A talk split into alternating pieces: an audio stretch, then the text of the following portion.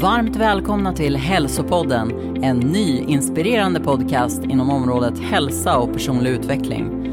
Jag som driver Hälsopodden heter Emma Bojemyr och arbetar som coach. Jag kommer att träffa de främsta personerna inom sitt område och ställa de frågor som du undrar över.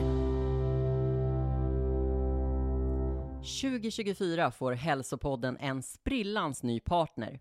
Och vilka passar inte bättre att tillsammans med mig få rama in säsong två än Elixir Pharma? Ett svenskt kosttillskottsföretag som grundades år 2000 av före detta elitbrottaren Jimmy Månsson, som nu driver företaget tillsammans med sin fru Heidi.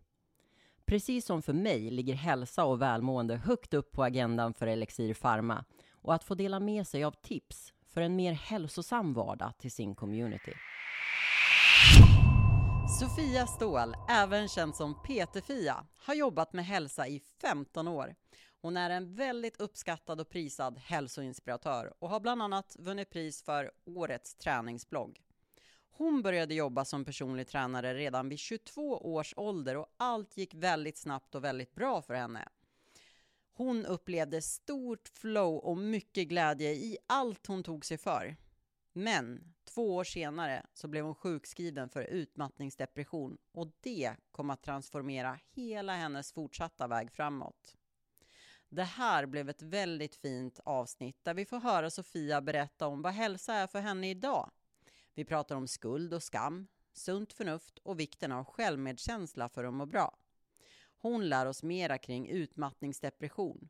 Hur tar man sig tillbaka och hur undviker man fallgroparna för att inte ramla dit igen? Vi kommer också in på hur Sofia väljer att äta och träna idag och hon delar självklart med sig av sina bästa tips för hemmaträning. Så lyssna in på avsnittet och låt dig inspireras. Varmt, varmt välkommen till hälsopodden Sofia! Tack snälla, det är så himla roligt att vara här och få vara med i det här. Tack så jättemycket. Ja, jag har sett fram emot det här så himla mycket. Det känns som att man ringer upp en kompis liksom.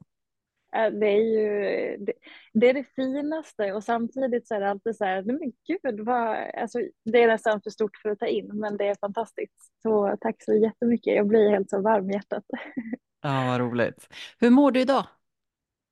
Idag mår jag bra. Igår, de senaste två dagarna har jag haft sån otrolig sån hormonell eh, PMS-filt, trötthetsfilt över mig. Så i morse när jag vaknade var jag så här, åh oh, gud, nu, nu känner jag, det här är lite mer välbekant.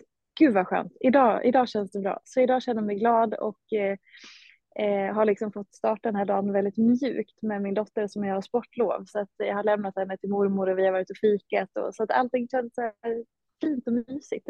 Så det är en skön känsla. Ja men vad härligt. Och det är ju nästan vårväder i Stockholm tycker jag. Ja, det är så underbart. Vi letar vårtecken hela tiden. Ja, ja men man gör det. Jag har förr fått de här snödropparna utanför där jag bor och solen tittar fram idag så jag känner så här, ja men det känns lite lättare än vad det gjorde för typ tre veckor sedan. Ja, eller hur? Solen och vårljuset kommer. Ja, det gör någonting med oss alltså. Ja, verkligen.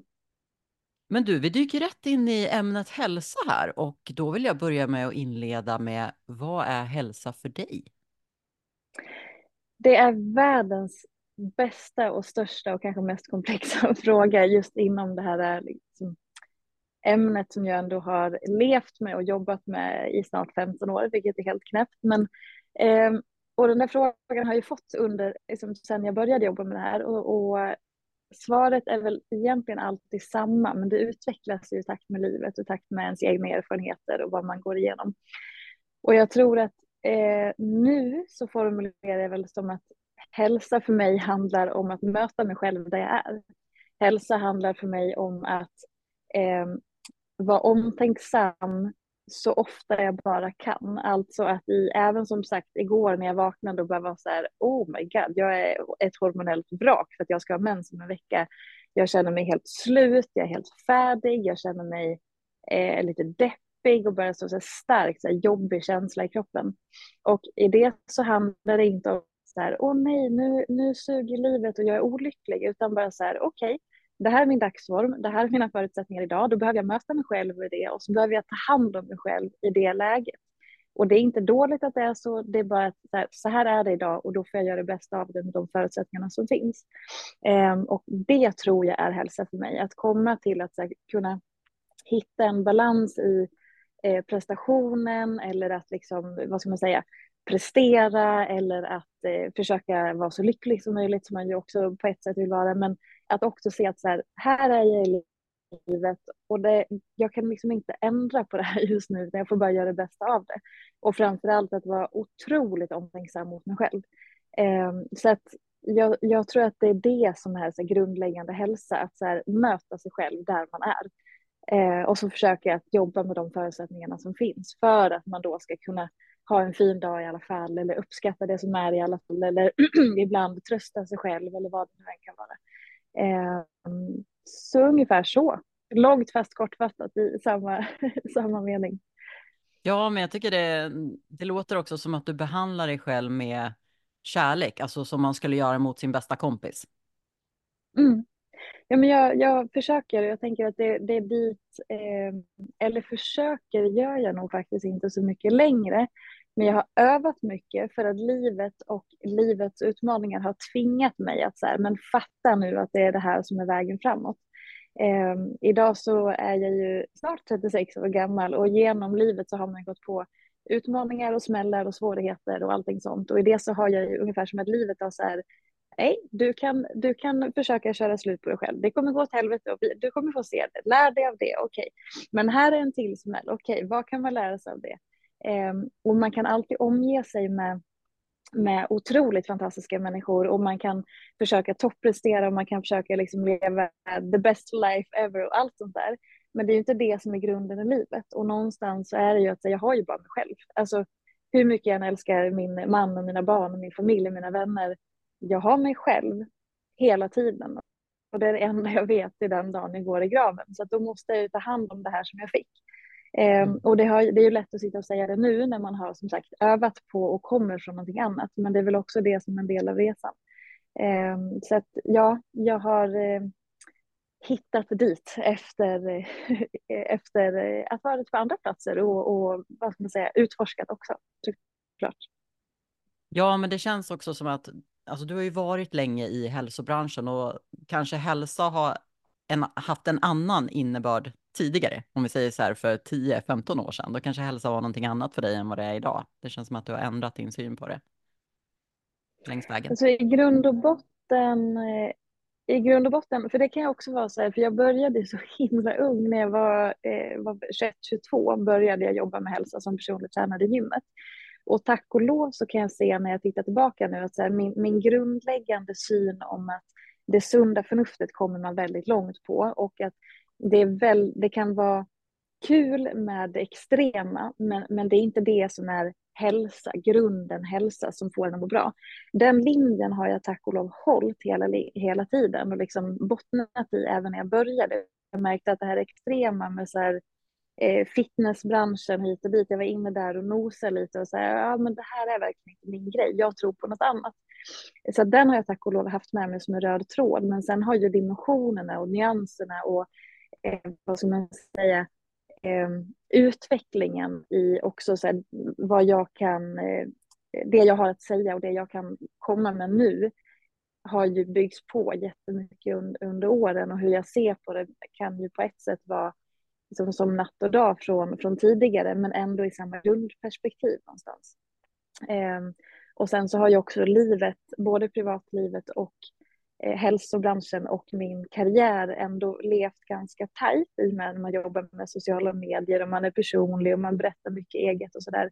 Så att jag har ju hela tiden fått liksom, vad ska man säga, eh, om, om någon av delarna har pushat mig åt något annat håll, till exempel att så här, nu är det här trendigt, eller nu ska alla i sociala medier göra så här, eller nu är det det här, så har jag hela tiden så, ah, vänta här nu, nej, tillbaka till det här. Jag kanske känner mig tråkig nu, som inte är så där supertändig som alla andra, men jag kan bara stå för att det är det sunda förnuftet och lagom och ta hand om sig själv. Och nu så tycker folk att det är jättetöntigt med stolsträning, för man ska lyfta vikter och vara liksom så här, gör ni den grejen. Men jag kommer fortfarande rekommendera att träna med en stol hemma, för folk behöver höra det också. Mm. Så att, ja, alltså allting har 100 procent eh, ökat dimensionen av allt det där och samtidigt så bottnar jag nog i samma sak som jag gjorde för 15 år sedan. Ehm, men, men då hade jag väl kanske ett kapitel att prata om och nu har jag förhoppningsvis eh, hundra till kanske. Eller ja, du fattar, som ett exempel. Men har du alltid varit hälsosam då? Det beror ju på vad man säger eh, eller vad man ser som hälsosam. Men, men jag är uppvuxen i en familj som det var liksom eh, längdskidor och havregrynsgröt. Och eh, hela familjen var eh, aktiv i Hedemora skidklubb. Pappa var en sån eldsjäl som var, liksom, var med och gjorde allt, var uppe på nätterna och liksom hjälpte till med att få snö, liksom konsten och eh, mamma och pappa körde oss till träningarna och vi umgicks liksom familjer emellan. Så min uppväxt var väldigt så eh, klubbgemenskap och föreningslivet, vilket jag är otroligt tacksam för. Och i det så var det ju då så här, men vi åkte skidor, eh, vi hade sommarläger, vi tränade två, tre dagar i veckan och sen var det tävling på helgerna. Men väldigt lite fokus på prestation, eh, tack och lov, vilket jag kan se som vuxen, utan det var fokus på gemenskapen, bästa kompisarna, att vi skulle ha kul. Eh, så att jag har ju alltid tränat och levt aktivt, men det var väldigt mycket fokus på de mjuka värdena, även om såklart var det tävling var det ju tävling, men, men när jag minns tillbaka så var det mer gemenskapen, att man fick extra familjer och man fick sin första kyss där och man fick sin första kille och det var liksom väldigt mycket de delarna som gjorde att allt, även om det var träning, tävling, så, så tar inte jag med mig att det var liksom piskan på på det sättet. Eh, och sen som sagt var det väldigt mycket O'boy och eh, liksom macka i spåret, så det var också fokus på att så här, ja, allt det som var fint och roligt som jag kommer ihåg det. Eh, och det har jag också fått med mig då att jag blev väldigt grundtränad, för längdskidor är ju en otroligt eh, ansträngande sport som man blir väldigt stark av och otrolig kondition. Så det har jag också med mig att här, min kropp behöver ju röra på sig för jag är van att jag är väldigt aktiv. Och sen var jag mycket i, i stallet och älskar liksom idrott och sånt där. Så att jag är uppvuxen väldigt, väldigt aktivt. Eh, men har tack och lov, och jag säger tack och lov för att jag vet att det är så många idag som har andra erfarenheter, så jag tar det inte för givet. Eh, men så att jag, liksom, jag har alltid uppfattat mig som att jag har levt hälsosam och det har aldrig varit fokus på eh, vad ska man säga, vikt eller dieter eller bantning eller någonting sånt hemma, utan man äter mat och sen är det gött och sen är man mätt.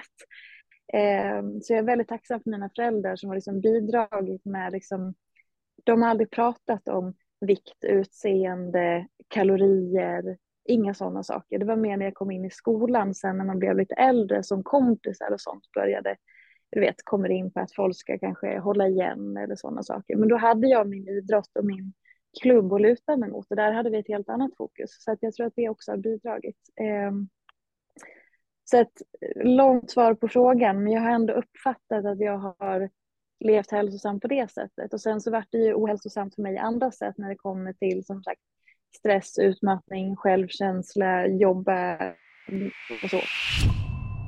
När, när kom de här tecken på utmattning och, och vad var det som hände där?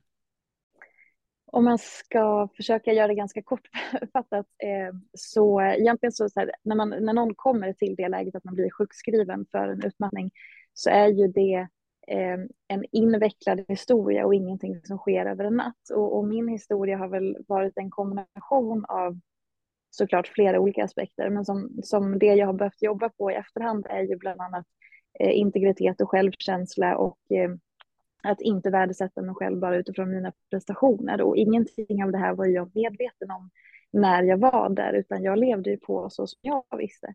Eh, och då när jag var eh, efter studenten så åkte jag till USA för att jobba som au pair i ett år, hade ett eh, sånt år. Eh, och stack iväg själv. Och sen så när jag kom hem igen och insåg att jag, hade, jag mådde fruktansvärt dåligt när jag kom hem från den upplevelsen. Eh, och hade flyttat till Stockholm efter ett tag och tog mig till en psykolog för jag tänkte att jag behöver nog prata med någon. Eh, för att jag, jag behöver, ja gud jag mår inte bra i det här. Eh, och hon då var den första till mig som sa att okej, okay, men det du har upplevt i USA, det är eh, klassat som psykisk misshandel då av min värdmamma där. Men jag hade inte råd och möjlighet att betala en psykolog vid, vid den tiden, så att jag tackade så mycket och sa att nu känns det mycket bättre för nu har jag fått prata om det lite grann. Eh, och jag kanske kommer tillbaka någon gång när jag har en annan ekonomi. Och vid det laget så hade jag precis börjat jobba som personlig tränare Men då hade jag i alla fall lite hum om att okej, okay, men det här var en händelse i mitt liv som påverkade mig jättejobbigt. Men sen så började jag jobba. Och jag jobbade och jag jobbade och jag jobbade. Och ganska snart efter att jag startade eh, som personlig tränare så startade jag eget företag. Och det gick väldigt bra. Och jag var väldigt tidig ut i, i branschen och hela bloggeran och sociala medier och hade liksom massa saker jag ville säga och en otroligt tro på mig själv också. Helt orädd och bara kastade mig ut och allting var så förbaskat jäkla roligt. Eh, så att jag jobbade hur mycket som helst och hade så roligt. Men också så hade jag ju det här i mig som var eh, som den, det mörkret som var obearbetat som jag inte mådde bra av. Och sen så då i kombination med att jag inte hade någon återhämtning. Eh, min exman då, som då var min pojkvän, han flyttade till Singapore för att gå utbytestermin. Då var det fritt fram för mig att jobba ännu mer, för det var ingen som väntade där hemma. Eh, så att mitt, liksom, min väg dit var inte så mycket det här att, eh, vad ska jag säga, att det var mycket på jobbet och det var dåligt för mig, alltså i att det var tråkigt och pressande, utan jag hade så enormt kul och det var som att herregud, det här, jag håller på att skapa någonting här. Det hade jag aldrig trott. Jag hade trott att jag skulle stanna hemma i Hedemora och liksom gnässa på något golv någonstans och sopa någonting. Alltså jag hade inte så höga ambitioner då.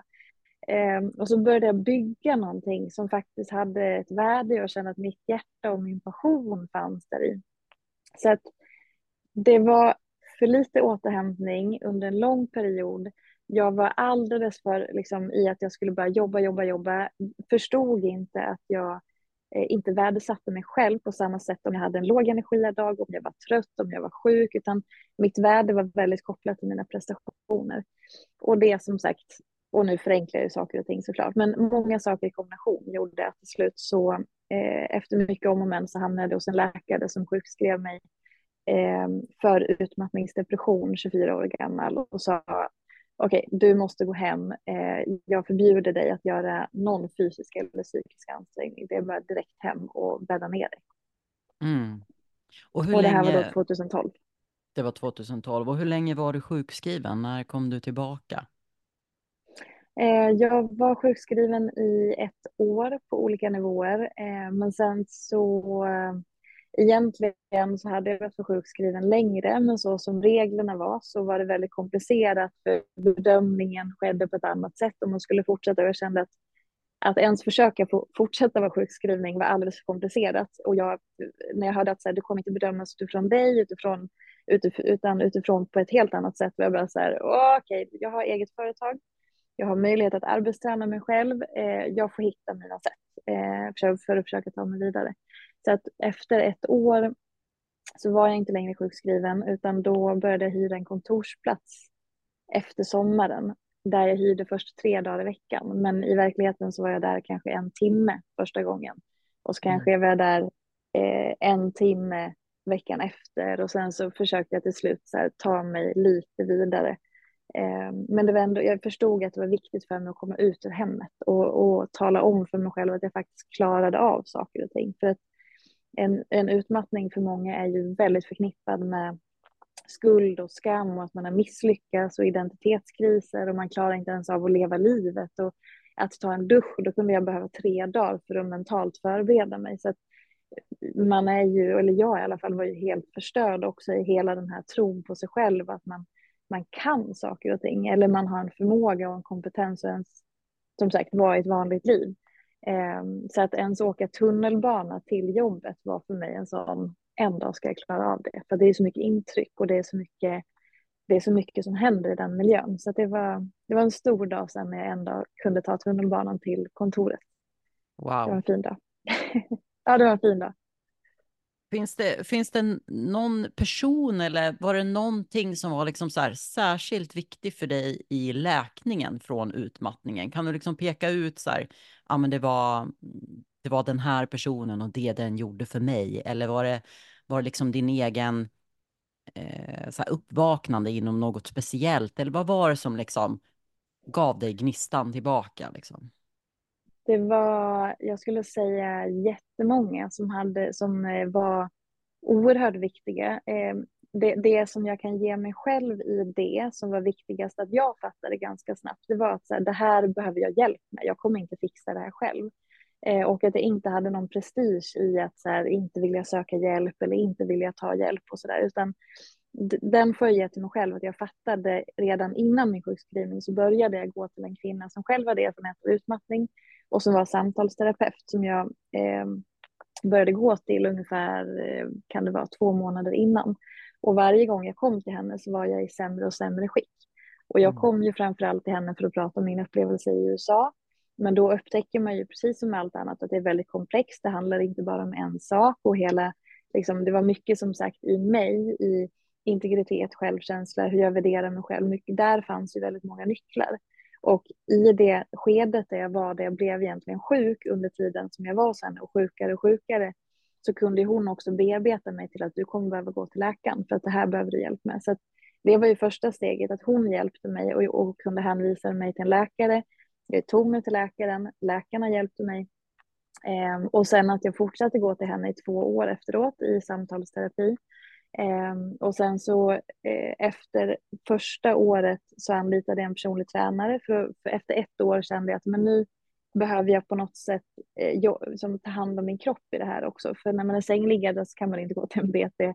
Men, men sen kunde jag säga, okej, okay, eftersom jag själv ändå har, fattar kroppen och själen och syr på det sättet i med mitt jobb också, så kunde jag säga, okej, okay, men nu har jag kommit till kroppshyddan, den behöver hjälp här och jag litar inte på mig själv, även om jag själv är personlig tränare och jag kan det här på ett sätt. Jag, jag litar inte på att jag kan vara patient till mig själv så att säga, eller kund till mig själv. Så att jag behöver en extern part som kan hjälpa mig och vara min PT så att jag rehabbar på ett sunt sätt här. Så då gick jag till en PT ett halvår som också var väldigt hjälpsam eh, och som hjälpte mig för att signalerna som kroppen och hjärnan, det ju, blir också väldigt skevt och väldigt skadat. Så att det var verkligen back to basic och att jag skulle så, hon bara, kan du ställa, stå rakt och sen så tar du ett steg bakåt och sätter ner händerna i marken. Och jag så, vad betyder det ens? Vänta nu. Ett steg bak och händerna i marken. Alltså det var på den nivån, att en sån enkel instruktion var som att det bara, att hon hade bett mig att prata eh, grekiska flytande ungefär och bara, vad är det hon menar? Så, så, att, så det kopplar liksom inte. Um, och sen så träffade jag en del eh, vänner under den tiden, eh, bland annat kontorskollegor som fanns där på kontoret som blev jätteviktiga under den tiden.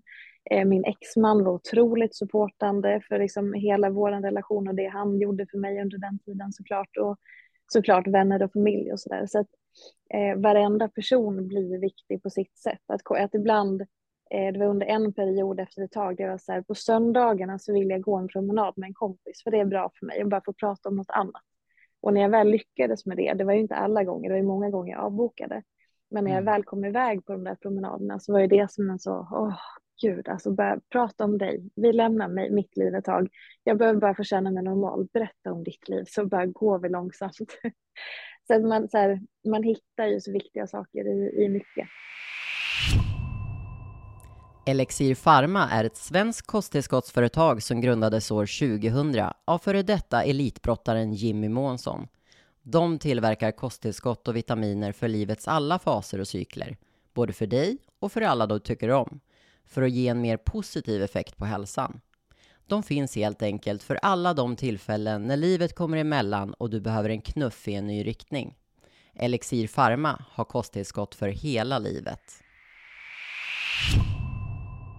Vad härligt. Det låter som att du var väldigt insiktsfull ändå, trots att du har kört på för hårt och eh, någonstans så hade du ändå den här djupare kontakten med dig själv. För det, det tycker jag man hör ofta, att folk går alldeles för länge och tänker att liksom det går över, det är bara det här och jag måste ta i lite hårdare, jag måste kämpa mer. Det känns som att du ändå hade en, en känslighet och att du kunde fånga upp det hos dig själv att ja, men det här fixar jag inte nu, utan nu, nu behöver jag faktiskt hjälp relativt tidigt då ändå. Ja, tack. Alltså, ehm, det, det var fint, fint att höra det. Ehm, jag upplevde det inte så alls. Ehm, för jag kämpade ju mot mig själv hela, hela tiden. Men det beror såklart på vad man, vad man jämför med. Men jag tror att i mångt och mycket så, så, så tackar jag hela tiden mitt arbete, för i mitt arbete så har jag hela tiden haft kontakt med bloggläsare eller följare eller människor via, via sociala medier. Och jag var ändå tidig med att, att öppna upp och berätta att så här, vänta nu, eh, det här går jag igenom på ett ungefär. Jag var inte mm. supertydlig i början för jag ville ändå hålla på vissa saker, men, men efterhand så har jag ändå haft kontakt med många människor och i det så får man ju människors, vad ska man säga, erfarenheter. Jag fick prata mycket om det för att jag hade ett forum och då, jag tror att jag bearbetade mycket i att jag skrev så mycket, jag fick respons, jag fick höra om andra situation och så den delen är jag otroligt tacksam för, för jag tror att det hjälper mig att bli mer insiktsfull, för att då behöver jag titta på mig själv lite utifrån och se och fatta vad som händer eller skriva om det och så. Så att det tror jag absolut var terapeutiskt viktigt. Um, och sen så, så eh, jag gick, trodde jag att jag gick in i väggen eh, ett och ett halvt år innan jag faktiskt gjorde det. Mm. Och där hade jag ju haft möjlighet att bromsa om jag hade sett det i backspegeln. Men där och då var jag bara så sjukskriven en vecka hemma från jobbet och bara, ah, nu har jag gjort det där, gå in i väggen som folk pratar om. Vad bra, mm. för då hade jag kollapsat på jobbet, fått panikångest och börjat ramla ihop. Och då trodde jag att jag var färdig med det. Så då justerade jag lite grann i mitt schema och vet, la in lite med vila och jobbade mindre sena kvällar ett tag. Och sen mm. ett och ett halvt år senare så smällde det ordentligt, för då var det helt ohållbart.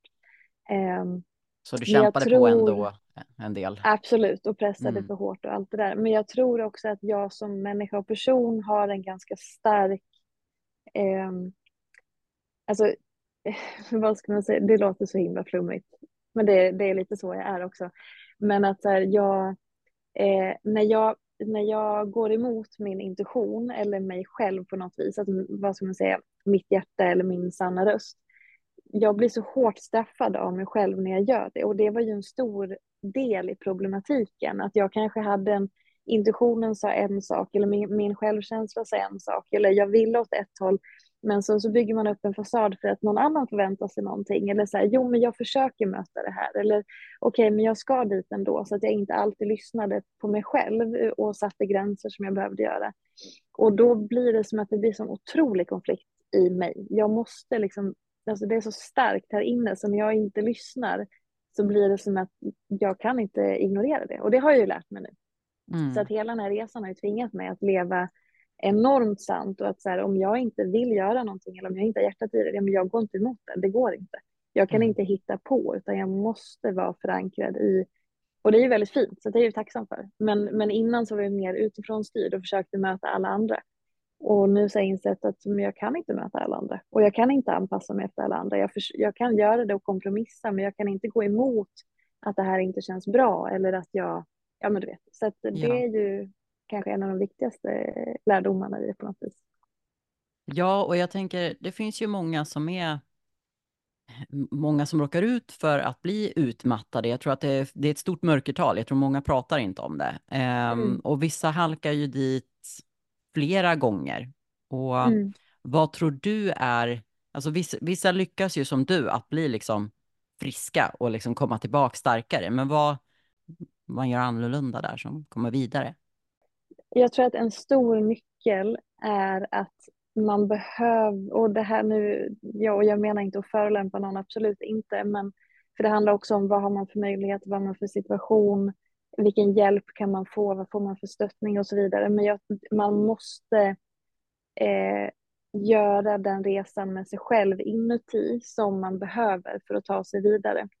För att eh, utmattning, absolut yttre faktorer som har mycket på jobbet att göra eller det kör ihop sig i familjen eller det är en jättetraumatisk händelse. Alla sådana saker, det händer alla människor och det det är faktorer som påverkar. Man har för mycket för, för, för liksom, så att man inte får någon återhämtning, allt det där. Men för att ta sig ur det och komma vidare och att jobba upp sitt emotionella immunförsvar eller sin integritet, det enda man kan faktiskt påverka är ju sig själv. Så att jag tror att om man har fått möjlighet att kunna jobba igenom det, alltså jobba med sig själv, fått rätt hjälp så att man kan göra ett inre arbete, då tror jag att man kan hamna där. Men om man blir intvingad i en sjukskrivning, en chef som kanske är väldigt på, så att, eller Försäkringskassan som ligger på som gör att man har inte möjligheten att göra det inre arbetet, då tror jag att det är jättesvårt att undvika att hamna där igen. För att de yttre faktorerna, de, de kommer ju alltid finnas där på olika sätt. Men, men jag tror som sagt att man behöver göra en inre resa.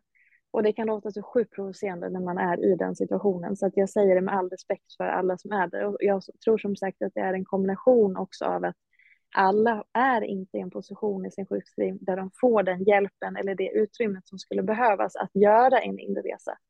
Så jag säger verkligen inte att så här, oh, bara man gör en inre resa så löser det sig allt. Inte så, Nej. för det är så mycket mer komplext än så. Um, så att, men jag tror att det är där nycklarna är. Och sen som sagt, alla får inte möjlighet att ta sig an de nycklarna på det sättet som skulle behövas. Eh, för att som sagt Försäkringskassan pressar på och arbetsgivare pressar på eller man lever familjeliv och har barn och så har man inte möjlighet att fokusera på sig själv på det sättet. Men om vi bortser från alla de komplexa situationerna så tror jag att det är helt avgörande att man får titta på vem är jag? Hur är min integritet? Hur behandlar jag mig själv? Hur värdesätter jag mig själv? Kan jag sätta gränser? Eh, tycker jag att jag är lika mycket värd när jag inte presterar 24-7 utan att jag också tillåter mig själv att behandla mig själv respektfullt omtänksamt. För har man det och ett emotionellt immunförsvar, en integritet och den här, vad ska man säga, en inre värld som är tillåtande och omtänksam, då kan man möta det som kommer utifrån på ett helt annat sätt.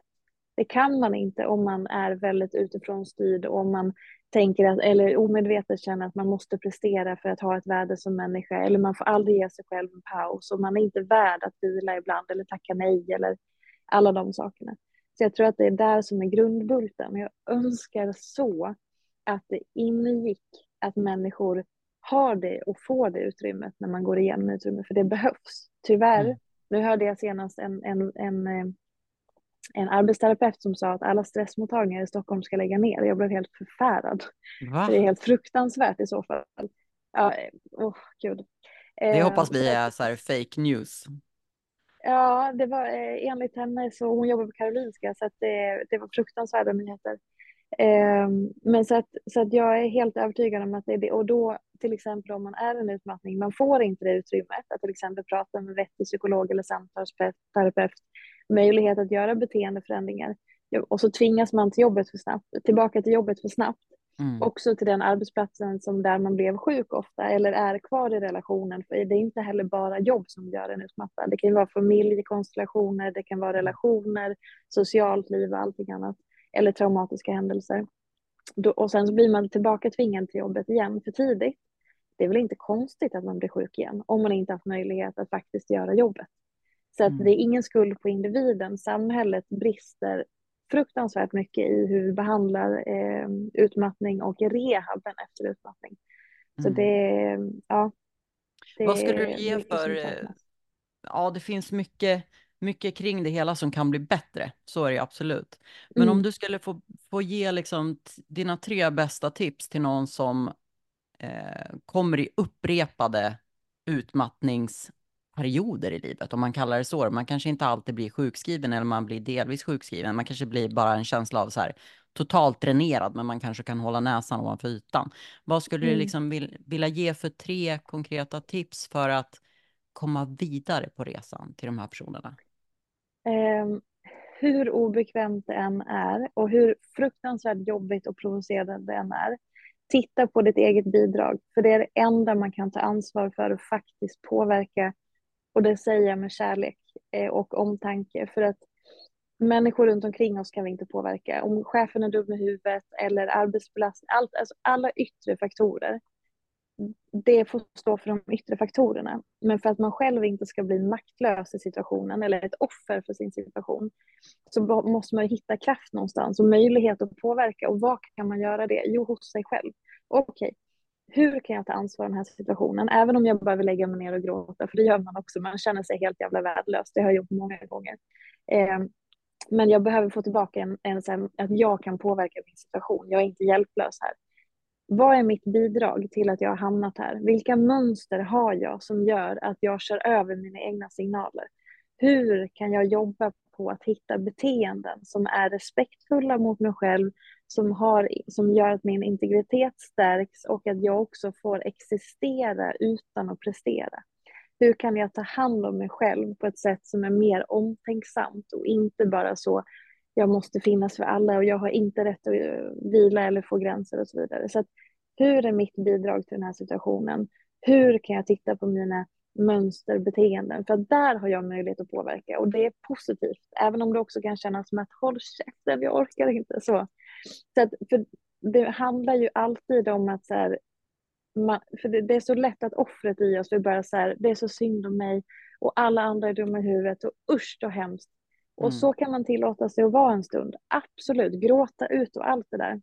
Men sen behöver man lyfta upp sig själv och se att hur kan jag ta ansvar i den här pissiga jävla situationen och hur kan jag hjälpa mig själv? För det är det det handlar om. Ingen kommer komma och rädda mig. Jag måste rädda mig själv. Då behöver jag se hur kan jag påverka? Och mitt bidrag i olika situationer, utmattning eller inte, eh, äktenskapskris eller inte, jobb och alltihopa. Jag har alltid ett bidrag, precis som att alla andra har alltid ett bidrag. Och mitt bidrag kan jag påverka och det är bra. Det är en mm. kraft i det. Så det är väl ett långt första tips. Eh, mm. för det, och det är sjukt obekvämt som sagt. Men, men viktigt. viktigt. Mm. Och sen att släppa det här med att man ska tillbaka. Det tog lång tid för mig att fatta. Skit i att du ska komma tillbaka. För tillbaka är det som var vägen hit. Dit vill du inte hamna igen. Okej, okay, framåt. Vad finns det där framme? Vad är det jag vill till? Jag ska inte tillbaka. För jag ska ju inte tillbaka till den jag var. Jag behöver acceptera att den här fruktansvärt jobbiga, mörka, tunga, livsförändrande händelsen är. Och den kommer troligtvis förändra mig för alltid. Men i det så behöver jag hitta någonting nytt. Hur kan jag så saker och ting till det som jag vill framåt till? Jag ska inte tillbaka. Jag lär mig av det till slut. Men jag ska ditåt och det är framåt. Och i det finns det någonting nytt som jag kan hämta hem oss. Och det är där jag ska. Så bakåt, en erfarenhet, men det var också vägen som ledde mig. För man blir väldigt fokuserad på att jag ska tillbaka. Mm. Försök att släppa det och rikta fokus till något annat. Och det är också lättare sagt än gjort, för det är så jävla läskigt när man inte vet vad det innebär. Vem fan är jag då? Identitetskrisen och allt det där. Och där återigen, enda sättet att ta sig dit är om man håller sin egen rygg för att man vill sig själv väl. Jag, jag tar hand om mig själv i det okända och jag är rädd för det såklart, för det är man. Mm. Men jag behöver ta ett steg, en fot framför den andra. Håll min egen rygg, för gör jag det, då kommer det gå bra. Och ibland så kommer man tappa bakåt och det blir bakslag och man känner sig värdelös igen. Vad är det enda viktiga? Trösta sig själv, för då kan man orka ta sig lite mer framåt. Mm. Och det är väl kanske det tredje tipset då, att hela tiden jobba med det som nu är ett trendord, det här med självmedkänsla. Att liksom hela tiden så omtanke mot sig själv, klappa sig själv på den där handen, att så här, nu blev det så här, ja men skäll inte ut dig själv för det. Alltså, du är inte dålig för att du vaknar jättetrött en dag när du hade några pigga dagar. Det är en naturlig följd. Och att som jag pratar med många som är i utmattning och så här, dels att vara trött är inte ett bakslag, för man hamnar ju lätt i det här att är man utmattad så, och så får man mer energi en dag. Och sen efter några dagar så blir man trött igen. Då känner man nej, nu har jag misslyckats, nu är jag sjuk igen för att jag är trött. Mm. Nej, alla människor är trötta. Även friska människor är trötta när de har gjort någonting. Vi alla blir trötta, sjuk som frisk. Det är naturligt och det är inte farligt. Det är inte dåligt. Det betyder inte att du har misslyckats eller något fel. Det betyder kanske att du hade en pigg dag eller två pigga dagar. Och sen behöver kroppen vila för att återhämta sig. Det är precis som det ska. Det är lugnt. Det är i sin ordning. För det är så lätt att man värderar trötthet som något negativt. Såklart, för det är ett symptom på det man går igenom. Mm. Men att försöka så att okej, okay, jag är trygg, jag jobbar med mig själv, jag tar hand om mig själv i det här. Och som sagt, det är skitsvårt för det är ju raka motsatsen till hur man har behandlat sig själv till varför man har hamnat där. Men ungefär så. Ja men superbra tips, verkligen. Och jag hoppas det kan hjälpa de som lyssnar på det här där ute som, som hamnar där ibland och man känner att så här, ja men nu är jag tillbaka i mina gamla mönster. Att så här, våga prova nytt och verkligen så här, mm. fast det är läskigt, bara gör Exakt. förändringar och tänk att du ska till någonting annat. Du ska till en annan plats och försöka liksom se på det med nyfikenhet och lekfullhet eh, snarare än att låta den här rädslan styra. Mm. Vi går in på träning. Kul. Många förknippar ju dig med liksom träning eftersom det är så här, PT-Fia kallade du dig tidigare och nu är det ju mer så här Sofia Ståhl, det känns som version två. Men mm. jag måste ändå få prata om träning när jag har dig med. Och eh, ja, vi kan väl börja med så här, hur mycket tränar du idag? Ingen aning. det, är så, det, är så, det är så roligt, för jag har ju fått den frågan så mycket genom åren och det är väl också format av det jag kommer ifrån. Att så här, jag vet inte. Alltså, jag rör på mig dagligen, jag, är hela jag lever fortfarande aktivt hela tiden. Men jag har inget träningsschema, jag mäter inte min träning. Jag har aktivt valt att, eh, att träningen ska vara prestationsfri och det betyder att jag inte loggar den, jag håller inte koll på den utan jag går på känslan i kroppen. Så att, igår tränade jag, eh, då gick jag en rask promenad, sen tränade jag hemma med tunga kettlebells eh, en stund. Eh, dagen innan så blev det en promenad och ett varmt bad efteråt. Eh, någon dagen innan det så var det någonting annat. Eller idag har jag inte tränat. Jag har promenerat lite grann på Söder och gått och fikat. Alltså, eh, jag går väldigt mycket på det här. Vad behöver jag idag? Vad är det för känsla inuti? Eh, känner jag mig liksom sådär lite, vad ska man säga, att kroppen är sådär här så jag så svårt att komma ner då går jag, vi har en jättebrant backe utanför vårt hus som är helt underbar att springa intervaller i. Då går jag och springer intervaller där tills jag känner att nu bär inte benen längre. Ehm, eller nästa dag så, förut innan vi flyttade i somras så cyklade jag överallt. Då fick jag min vardagsmotion där. Eller jag sätter på sån digital träningsplattform och så kör jag styrkepass med någon tränare där. Eller ibland går jag och testar något annat. Och sen så kan det gå två veckor och så har jag inte lyft en vikt, men jag har varit aktiv på andra sätt. Så det är så, jag har liksom aldrig ett bra svar på den frågan. Att säga, men jag tränar tre gånger i veckan eller jag tränar, utan jag lever aktivt. Ja, men det, ehm, det låter jättehärligt när man hör det. Liksom, så här. Men jag tänker också, för många är det så svårt och stressande ja. att så här, ja men har du inga riktlinjer att gå på, vad är då inte för mycket eller för lite liksom? Ja. Du, du går mer på intuitionen då, lyssnar, alltså du har en fin känsla för dig själv vad du behöver i stunden. Mm, ja, det skulle jag säga. Och jag tror att dels det som har varit mitt, min utmaning är ju att, som jag sa, min, min bakgrund och min uppväxt var ju väldigt så längdskidåkare, vi körde triathlon, orientering, terränglöpning. Så att jag är ju uppvuxen med en hög träningsmängd och att min kropp eh, har ju fått med sig från barnsben en hög träningsmängd som gör ju att jag också är van med hög träning. Eh, och sen så gick jag efter några år då gick jag in i utmattning och då är det raka alltså det är verkligen andra sidan spektrat att vara sängliggandes och börja tänka, tvinga mig själv att förstå att okej, okay, jag är sängliggandes. Eh, om jag ska tänka att jag ska träna idag så är det att jag ska gå ut och sätta mig på bänken som är tvärs över gatan och sen gå hem. Det är träning. Alltså, det är sådana extrema kontraster. Så för mig så har, och sen en graviditet efter några år där jag förlorade två liter blod under förlossningen och behövde liksom den typen av eh, ta hand om mig själv så. Men så att mitt problem har inte varit att jag skulle träna för tungt eller för hårt eller för mycket. Utan min utmaning har varit att förstå och lita på min kropp att jag har en sån hög kapacitet. För min bakgrund och min ungdomstid var ju i princip, jag ska inte säga elit, men liksom att jag, jag är uppbyggd så med så hög kapacitet som det normala. Så att min, min utmaning och är fortfarande är att trä, våga träna hårdare. För det mår jag bra av eftersom det är det jag har med mig från min ungdom. Mm. Men eftersom jag har gått igenom utmattning och graviditet så har jag snarare varit för försiktig mot vad jag faktiskt mår bra av. Så att för mig har det varit mer att så men, våga ta tyngre vikt. Men du kan springa en mil, herregud. För jag är sådär, nej men jag tror inte jag kan eller har jag så bra. Men jag kan ju, det är klart jag kan springa en mil för att du, jag är fan uppvuxen på det sättet jag är och det formas man ju av.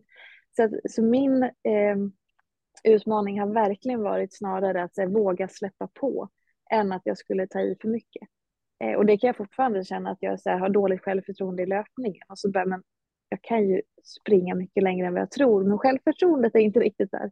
Eh, så att det är snarare det att jag behöver utmana mig att våga öka lite grann och våga liksom utmana åt det hållet än att det skulle vara för mycket. Just det. Tränar du mest utomhus eller tränar du någonting på gym till exempel? Ibland. Eh, nu har det blivit, nu i med, och det kan ju låta som en sån eh, banal grej, men när man flyttar eh, och jag är van att bo i Hammarby sjöstad, jag hade cykelavstånd till all, allt och jag hade gymmet precis på samma gata och jag cyklade överallt och liksom alltihopa. Jag hade utegym också precis utanför. Till att nu bor jag två mil från stan ehm, där det är naturreservat överallt, vilket är underbart. Men då bor vi i hus och det finns inget gym i närheten. Eh, så då blir det så här, okay, då måste jag, om jag ska gå till ett gym så måste jag antingen göra det i anslutning till kontoret eller så måste jag åka till ett centrum som ligger en kvart bort med bil och så vidare. Så då är det så här en helt ny verklighet i att se vad, för det är också logistik och vardagsplanering och hämtning, lämning, skola. Så då har jag landat i att just nu, så som livet ser ut, eh, så gymmet när jag är i anslutning till det, men jag jobbar inte i stan varje dag, men då funkar det.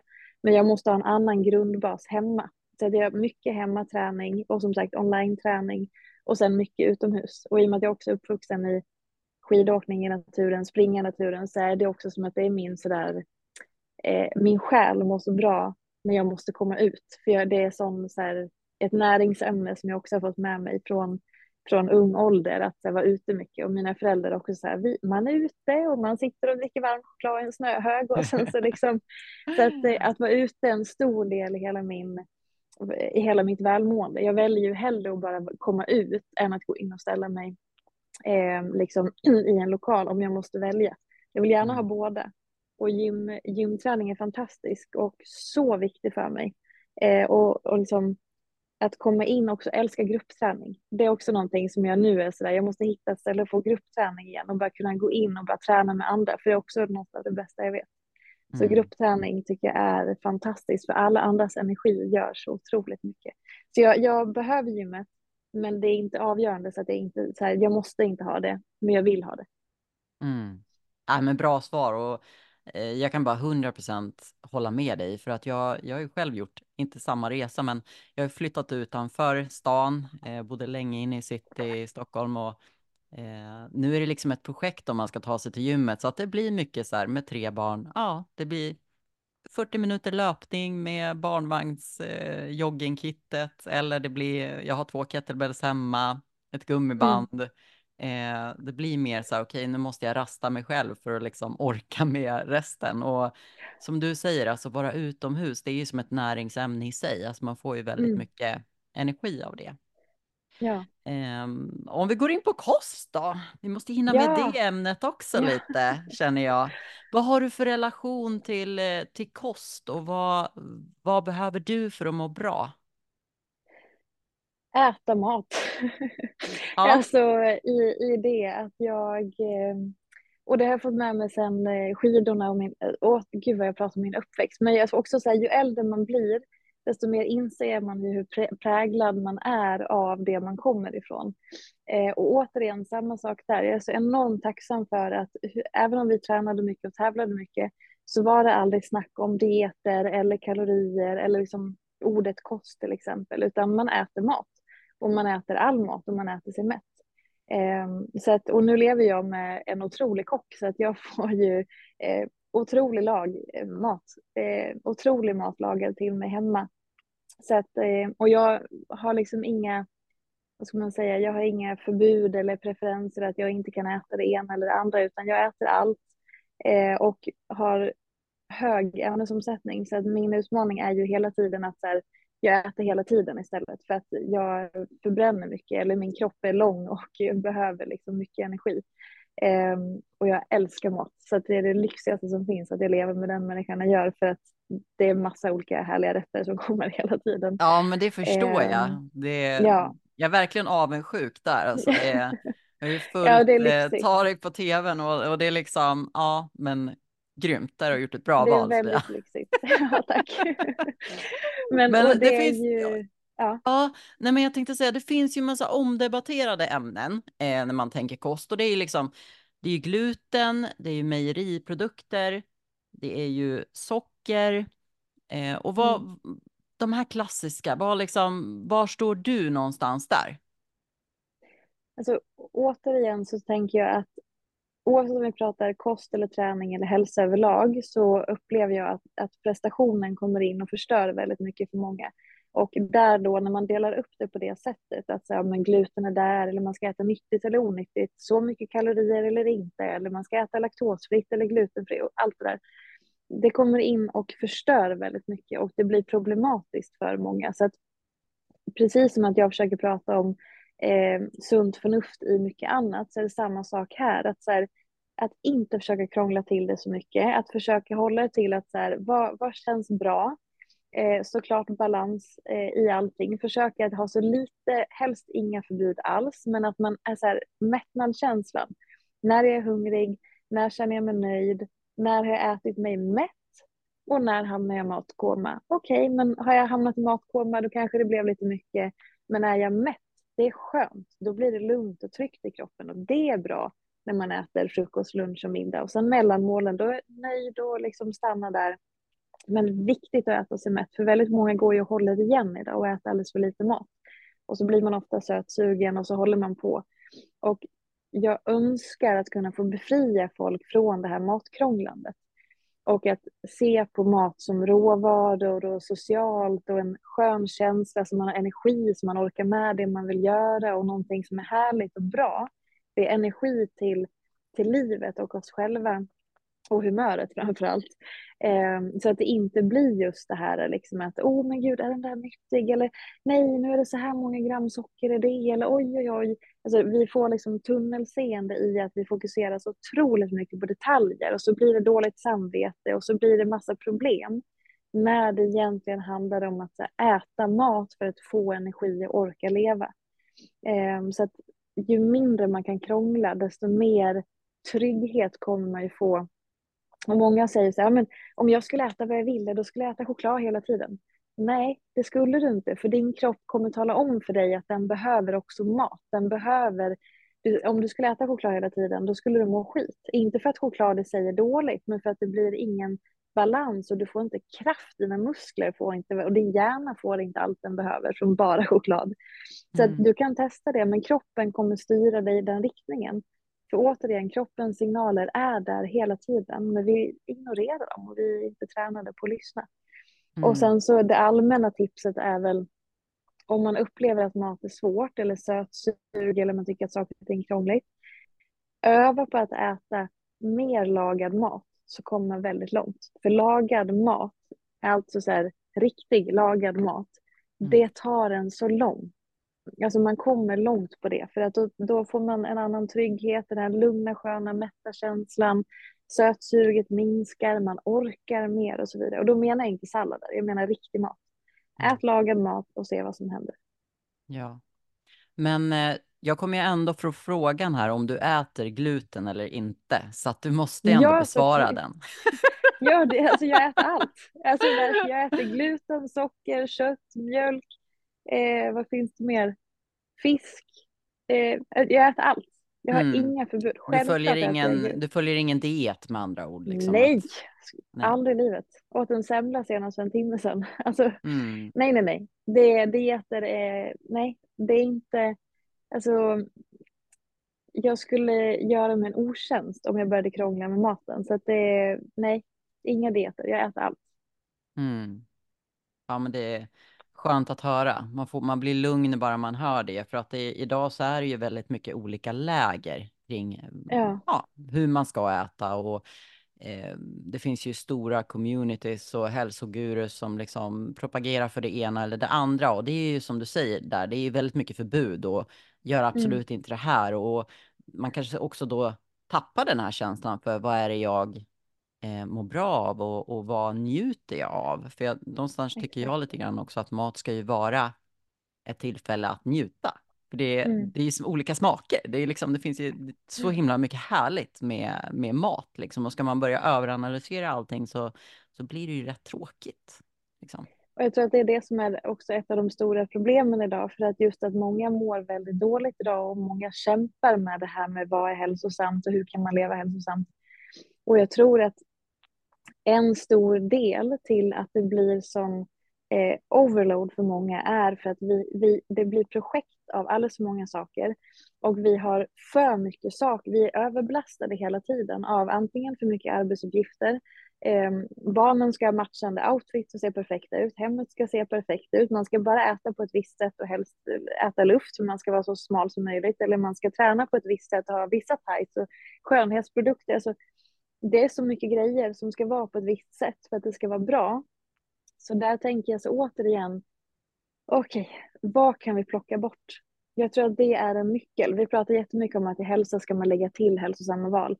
Absolut, men jag skulle vilja uppmuntra folk till att avvakta med den lägga till och först titta på vad i mitt liv kan jag plocka bort? Om jag känner att jag behöver må bättre, jag vill känna att jag lever hälsosamt, jag vill må bra, börja med att plocka bort grejer. Det kan vara förväntningar, måsten, typ att så här, jag måste tvätta varje dag, jag måste stryka på sättet. Varför då? Eller din arbetssituation eller saker du säger till din spegelbild eller det måste vara på ett visst sätt eller typ fyra hobbys. Plocka bort först. Plocka bort, plocka bort, plocka bort. Skapa utrymme. Sen kanske man kan börja lägga till någonting som man vet att man mår bra av. Men om man har ett överbelastat liv och en överbelastad hjärna och en överbelastad förväntan på att man själv ska vara en perfekt person som fungerar perfekt i alla lägen. Då tänker jag att då, och så lägger man till hälsosamma val där. Det är inte konstigt att man känner att man inte kan leva upp till det. Så hälsotips nummer ett generellt, plocka av tallriken. Och då menar jag inte bara mattallriken utan livets tallrik. Plocka bort minst 15 grejer. Och då som sagt, mjuka värden, hårda värden, praktiskt, emotionellt. Plocka bort skit. Så bra. Sen fick vi lite lyssnarfrågor här också och det var ju eh, så här. Eh, har Tarek börjat laga mer hälsosam mat sen ni träffades? Det här är det största problemet med att vara tillsammans med honom. Det är att man själv blir så jävla ointressant. att alla bara undrar saker om den man är tillsammans med. Okej, okay. ja jag förstår. Eh, men eh, mer hälso... Nej men han har alltid lagat hälsosam mat tror jag. Eh, och han lagar ju allt. Och vi, ingen av oss går på diet och liksom, vi älskar ju mat som, som upplevelse. Eh, så jag skulle säga nej. Alltså i att här, han både lagar hälsosamt men sen också vi äter allt. Så det är inte så att jag har sagt att oh, nu måste du börja laga på det här sättet. För att vi bara, och jag är bara tacksam att få mat serverad och slippa laga själv. Eh, som också är så pass gott som det är. Så att jag är bara så glad, kåt och tacksam varenda gång.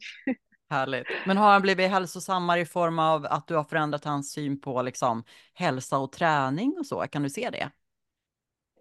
Jag vet inte, det får man fråga honom tror jag. Det, jag, jag har ingen aning. Det är inte så att han tränar mer sen ni var tillsammans eller så. Jag tänker du är en stor träningsprofil, han är en stor matprofil. Det är inte så att du har influerat honom så här. Du, du själv känner det att ah, men jag har nog transformerat honom en aning. Nej, inte. Alltså han har också alltid varit en aktiv person och vill liksom leva aktivt och, och sådär. Så att, nej, det är inte så att han har börjat, gått, börjat gå och bli bodybuilder, men det är inte det jag influerar till heller. Däremot så har vi väl eh, eh, mötts väldigt han, han har sagt några gånger att han har liksom fått andra perspektiv just på kanske det här, den emotionella utvecklingen och sätt att kommunicera och sådana saker. Vilket ju ligger mig väldigt varmt om hjärtat också. Ehm, men nej, det får, jag vågar inte säga, det får han. Det känns fånigt av mig att sitta och försöka gissa mig fram att jag ska, det får han, han får svara på den frågan själv tänker jag. Mm, ja men det är bra, vi får bjuda in honom någon gång också till podden. Ja. ja. Och det andra var ju också dina favorit, eh, din favoritträning eller liksom dina bästa hemmaträning. Och då har jag nämnt Min, lite här. Alltså två olika? Ja, precis. Två, nej, ja. två olika frågor. Din favoritträning och sen ditt bästa hemmaträningstips. Ja, vad kul. Eh, alltså min favoritträning just nu, som jag har längtat efter när det varit isgata och snö så mycket, det är ju nog faktiskt ut och springa just nu som jag känner. Alltså bara så, eh, ut i skogen, gå också, absolut, men så här, ut i skogen, springa, promenera, uppleva, alltså vara i skogen och gärna just nu som jag har in, det har varit så isigt och snöigt där vi har, vi har haft en fin vinter men jag har inte sprungit då. Eh, så nu längtar jag verkligen efter det och det, det sitter i mig också sen, eh, sen barnsben så att löpningen ligger mig varmt om hjärtat. Eh, hemmaträning, eh, då att skapa den här gruppkänslan genom att man går in på något onlineforum eh, och tränar med någon instruktör där. Och bara, jag tycker det är så otroligt lyxigt att bara så här, trycka på play och sen är det bara att hänga med om någon annan har tänkt. Jag tycker det är fantastiskt. Eh, så det är min bästa hemmaträning, att här, träna via datorn eller via tvn och bara åka med, liksom, trots att man är hemma. Just det. Ja, det är bra tips. Och där finns det ju en uppsjö sedan pandemin, för då fick ju verkligen den här online-träningen en rejäl eh, uppsving. Ja, exakt. Okej, det har varit så himla roligt att ha dig med i podden och jag skulle bara vilja avslutningsvis eh, höra vad du vill säga till lyssnarna som har lyssnat på det här avsnittet, hälsopodden med dig, Sofia Ståhl. Vad vill du avsluta med och skicka med lyssnarna? Ja, men det kanske är just det här med att eh, titta på vad man kan lassa av. Titta på vad kan jag plocka bort om jag upplever att det är väldigt mycket i livet och just också att inte underskatta, eh, inte underskatta det emotionella. Alltså, vi har, många av oss har många eh, måsten som man har att sen, saker och ting måste vara på ett visst sätt, det måste gå till på ett visst sätt eller man måste göra rutiner på ett visst sätt eller så.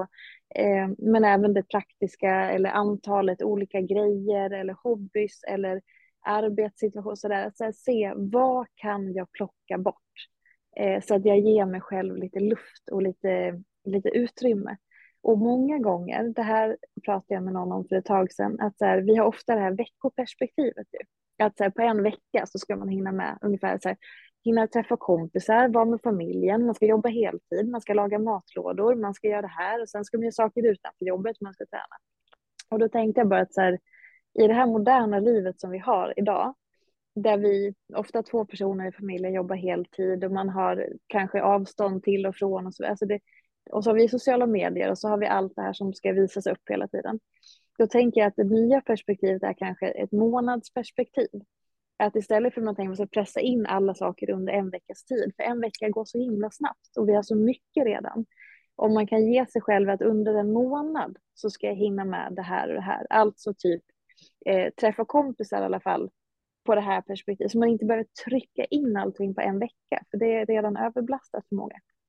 Ja, den, den tar jag med mig, månadsperspektiv. Det är det nya, det känner jag genast. Ja, men kanske. Det ger kanske lite mer eh, liksom, en större flexibilitet, att man inte blir så där får känna sig jagad för att man inte får in allting på en vecka. Mm. Fint. Ja, Sofia, det har varit en stor, stor ära att ha dig med i Hälsopodden. Så stort tack för att du ville gästa. Ja, men tack snälla, det var en ära att få vara med. Jätte, jätteroligt. Tack så mycket. Tack för att just du har lyssnat på Hälsopodden. Och är du som jag, att du brinner för hälsa och personlig utveckling och vill höra mer av Hälsopodden? Då skulle jag bli jätte, jätteglad om du gick in på Spotify, betygsatte oss genom att ge oss några stjärnor så att vi kan fortsätta sprida hälsa genom podden. Ha nu en riktigt bra dag och ta hand om dig.